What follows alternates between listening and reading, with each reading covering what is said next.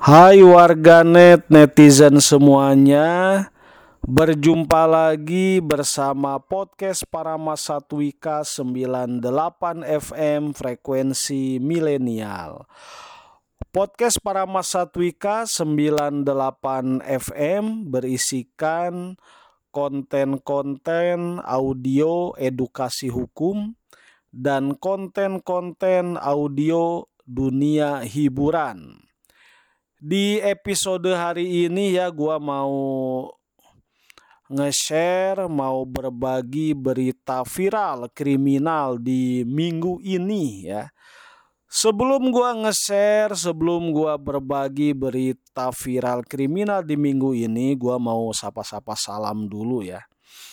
Sapa-sapa salam buat Bapak AKBP Erwin Ardiansah, SIK MH, Bapak Wadir Narkoba Polda NTB ya. Mudah-mudahan beliau dalam keadaan sehat dan mudah-mudahan segala apa yang dikerjakan ya eh, diberikan kelancaran dan diberikan kesuksesan ya juga sapa-sapa salam ya buat buat para pendengar setia podcast para Satwika 98 FM ya buat bapak-bapak polisi ya yang bertugas di Direktorat Res Narkoba Polda NTB ya buat Bapak Andri dan eh, teman-temannya ya yang selalu mendengarkan podcast para Satwika 98 FM.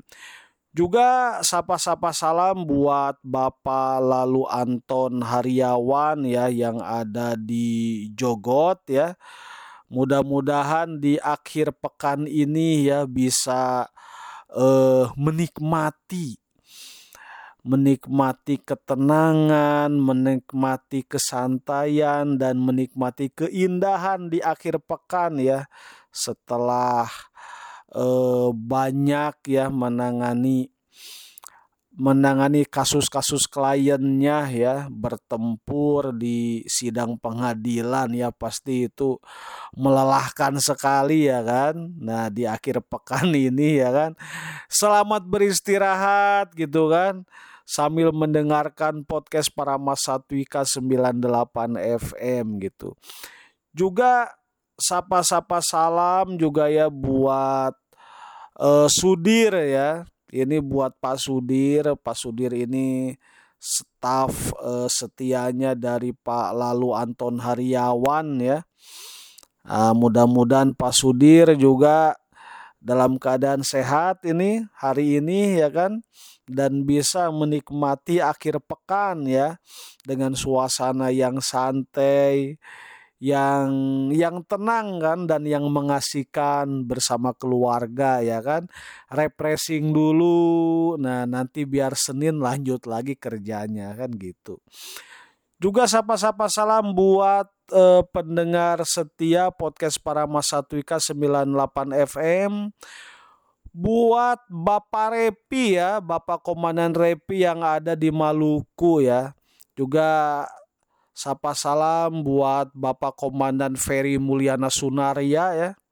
Yang kayaknya udah nyampe Lembang ini Bapak satu ini kan. Katanya mau melanjutkan pendidikan di Sespimen Polri ya.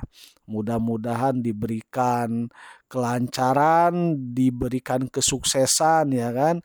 Apa yang diharapkan dan apa yang dicita-citakan e, bisa terkabul kan dan bisa bisa terrealisasi ya kan menjadi kenyataan kan kayak gitu.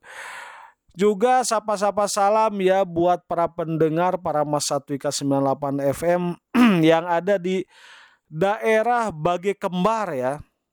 Daerah Bage Kembar di Kecamatan Ampenan di di Kota Mataram ya buat Fadli, buat eh, Aska ya kan, buat Jo CS ya.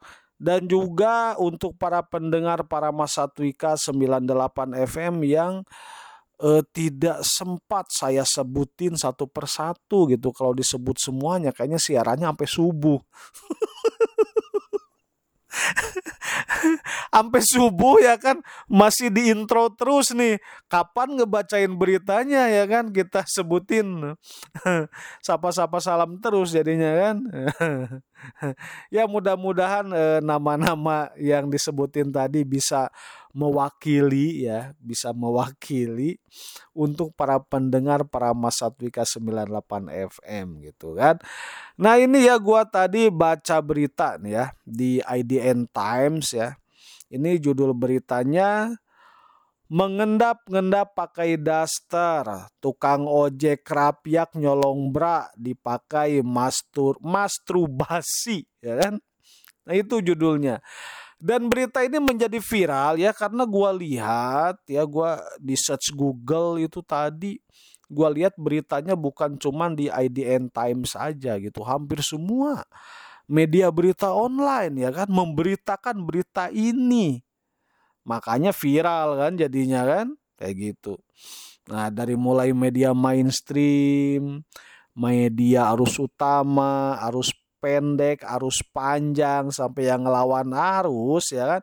Ini semuanya memberitakan ini, makanya beritanya jadi viral. Nah, ini mengendap-ngendap pakai daster tukang ojek eh, di mana nih Krapiak ya nyolong bra ya gitu. Karena kenapa dia pakai daster? Karena gua baca tadi beritanya itu dia mencurinya di tempat kos-kosan Putri di tempat kos-kosannya tempat khusus kos-kosan perempuan gitu kan. Nah, jadi dia untuk mengelabui tukang kos gitu. Untuk mengelabui yang punya kos, untuk mengelabui orang-orang di sana ya terpaksa gitu biar nyuri branya berhasil dia harus menyamar menggunakan daster biar kayak emak-emak kan kayak gitu kan. Nah, ini Ini kejadiannya hari Kamis, sekarang hari Sabtu, berarti dua hari yang lalu kan. Kejadiannya hari Kamis tanggal 19 bulan 1 2023 ya kan, dua hari yang lalu. Ini seorang tukang ojek ini. Tukang ojek bernama inisial RIS ya kan. Di Kelurahan Kerapiak Semarang Barat. Jadi ini ini ceritanya dia lagi lagi sange ya kan. Aduh bahasa akademisnya apa ya kalau sange itu ya. Pokoknya dia lagi kepingin ya kan, lagi kepingin ya kan, nggak tahu mungkin jomblo kan, kayak iya jomblo dia masih bujang. Kalau udah kawin kan nggak mungkin lah ya kan pas lagi begini dia nyari bra ya kan kayak gitu. nah ini seorang tukang ojek bernama Rizky. Dia masuk ke kos-kosannya Putri kan, kos-kosan khusus perempuan, menyamar menggunakan daster ya kan, niat banget kan ini kan. Hanya untuk mencuri sebuah bra untuk dijadikan alat pelampiasan berfantasi. Pelampiasan hawa nafsunya. Kayak gitu kan. Nah, ini orang ini ya udah ketangkap gitu, udah ketangkap, udah diamankan dan sudah dilakukan pemeriksaan di Polsek Semarang Barat, kan? Hasil pemeriksaan katanya dia sudah mencuri itu delapan kali ya kan. Dari semua pencurian yang udah dia lakuin ya kan motifnya satu motifnya itu untuk melampiaskan uh, nafsu birahinya ya kan? Jadi bukan motif ekonomi. Biasanya kalau orang mencuri kan motif ekonomi ya buat uh, mencukupi kebutuhan hidupnya. Biasanya orang pas lagi nggak ada duit hilang pekerjaan atau memang dia lagi nganggur gitu kan sementara tetap anak istrinya kan harus diberikan nafkah gitu kan. Mungkin dia pikirannya buntu dia nekat terus dia mencuri gitu. Biasanya kayak gitu. Kalau memang yang pencuri itu anak-anak berandalan ya biasanya ya motifnya itu buat beli minuman ya kan. Nah tapi kan yang jelas ini motifnya ekonomi kan. Tapi kalau yang ini ini motifnya bukan ekonomi. Karena kalau gua pikir-pikir ya nilai ekonomisnya dari sebuah bra apa? nilai ekonomisnya. Itu kalau mau dijual kembali kayak gitu. Karena gue itu belum pernah ya gue tuh belum pernah orang kepepet di Facebook di Instagram. Nggak ada orang kepepet misalkan oh, lagi dijual cepat ini bra ya kan? Sudah satu tahun dipakai atau sudah lima tahun dipakai itu kayaknya nggak ada biasanya orang kalau lagi kepepet jual jam tangan ya kan? Dia iklankan di di akun Facebooknya atau di Instagramnya ya kan? Jual jam tangan lagi butuh nih atau jual HP atau jual laptop. Kayaknya ndak ada jual lebrak ya kan? Terus juga kalau mau dibawa ke pegadaian kayaknya pegadaian nggak akan menerima juga. Mau dibawa ke tukang rombengan kayaknya gua seumur hidup gua gua kalau lewat tukang rombengan tukang loak itu kayaknya nggak ada juga yang dipajang bra. Paling yang dijual itu jaket. Di barang-barang rombengan itu jaket sepatu ya kan? Topi ya kan? Nah berarti kalau dia ngaku memang untuk untuk pelampiasan hawa nafsu ya gua gua sih gua ya ya percaya kayak gitu. Karena belum ada pengungkapan ya kan? Sindikat ya kan? Sindikat pencurian bra ya kan? Uh, enggak ada. Kalau sindikat pencurian HP ada, sindikat pencurian sepeda motor ada, atau sindikat pencurian mobil ada, tapi kalau sindikat pencurian bra ini nggak ada. Makanya gua sih ya percaya kalau dia eh, katanya untuk melampiaskan nafsu birahinya, untuk melakukan masturbasi ya kan. Nah, ya mas masturbasi eh masturbasi. Masturbasi itu kan hal yang alamiah ya. Yang hal yang alamiah gitu kan kalau masalah dosa enggaknya gua nggak paham datanya nama Pak Ustadz ya kan? Tapi itu kan hal yang alamiah tapi yang nggak alamiah tuh mencurinya. Kenapa harus mencuri bra? Ya kan? Itu yang membuat anda berurusan di kantor polisi kan? Itu yang membuat Anda berurusan di kantor polisi, Anda mendekam di sana ya kan. Nah, katanya dari hasil pemeriksaan ya ini kerugiannya itu di bawah 2,5 juta rupiah. Jadi katanya ini bisa dilakukan restoratif justice gitu kan. Jadi di diselesaikan di luar sidang pengadilan. Kalau e, ibaratnya menitik beratkan kepada mengganti kerugian korban kayak gitu kan. Jadi kayak menyembuhkan luka-lukanya korban ya kan. Tapi korbannya katanya maunya lanjut aja dah, ditipiringkan, ditipiringkan dah. Mungkin kalau mau ini ya restoratif justice mungkin antara korban dengan pelakunya bingung nanti taksiran harganya itu berapa itu bra itu ya kan kalau kalau kayak handphone ya kan itu ah udahlah dicari dulu di Google dah. Ini handphonenya tipenya apa harganya berapa? Tapi kalau bra ya kan? Bingung itu untuk menentukan harganya ya kan? Kayak gitu. Nah terus ya makanya ya udahlah. Kalau itu mah kita ndak usah mikirin ya kan? Biarlah nanti bapak-bapak polisi ya kan? Yang mikirin itu sama pihak korban sama sama pelakunya ya kan? Apa pun itu ya kan? Apakah itu mau dilanjutin tipiring atau dilakukan restoratif justice ya kan? Mana-mana baiknya aja dah. Yang penting buat kita ya dari berita viral ini ya kan? Kita ya harus hati-hati gitu kan? Kalau ternyata orang mencuri itu enggak selamanya motif ekonomi jadi buat Anda-anda ya kan yang suka menjemur pakaian dalam ya kan.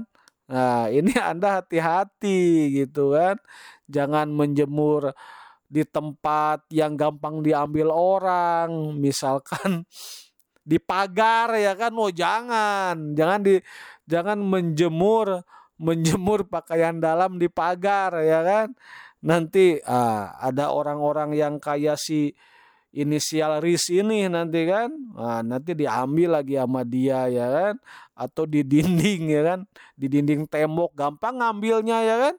Jadi di tempat ini di tempat jemuran yang aman ya kan. Karena kita udah tahu nih dari berita ini ternyata orang itu mencuri tidak hanya uh, motif ekonomi, bisa aja motif di luar ekonomi kan salah satunya ini untuk melampiaskan hawa nafsu gitu.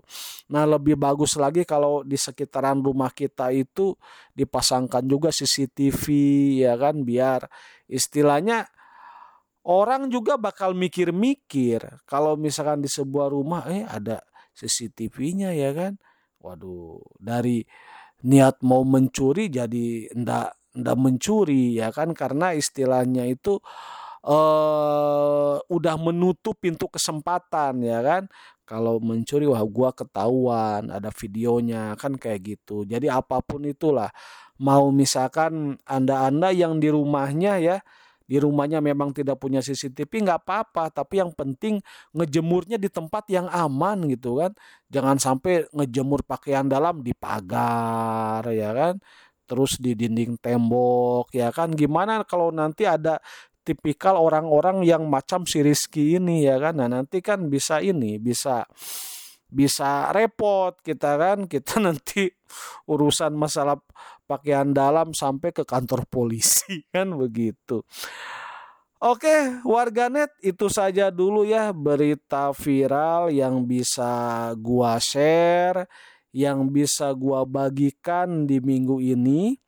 Jikalau andai kata seumpama ya kan podcast ini ada manfaatnya silakan untuk diberikan komentar yang positif, di like, di subscribe di aplikasi Noise ya. Juga ada di aplikasi Spotify dan eh, seluruh podcast di dunia ya yang menggunakan jaringan RSS. Oke warganet dan netizen semua, kita sudahi dulu eh, kita sudahi dulu kebersamaan kita di episode hari ini. Kita akan berjumpa kembali di episode-episode berikutnya bersama uh, bersama podcast para Masatwika 98 FM.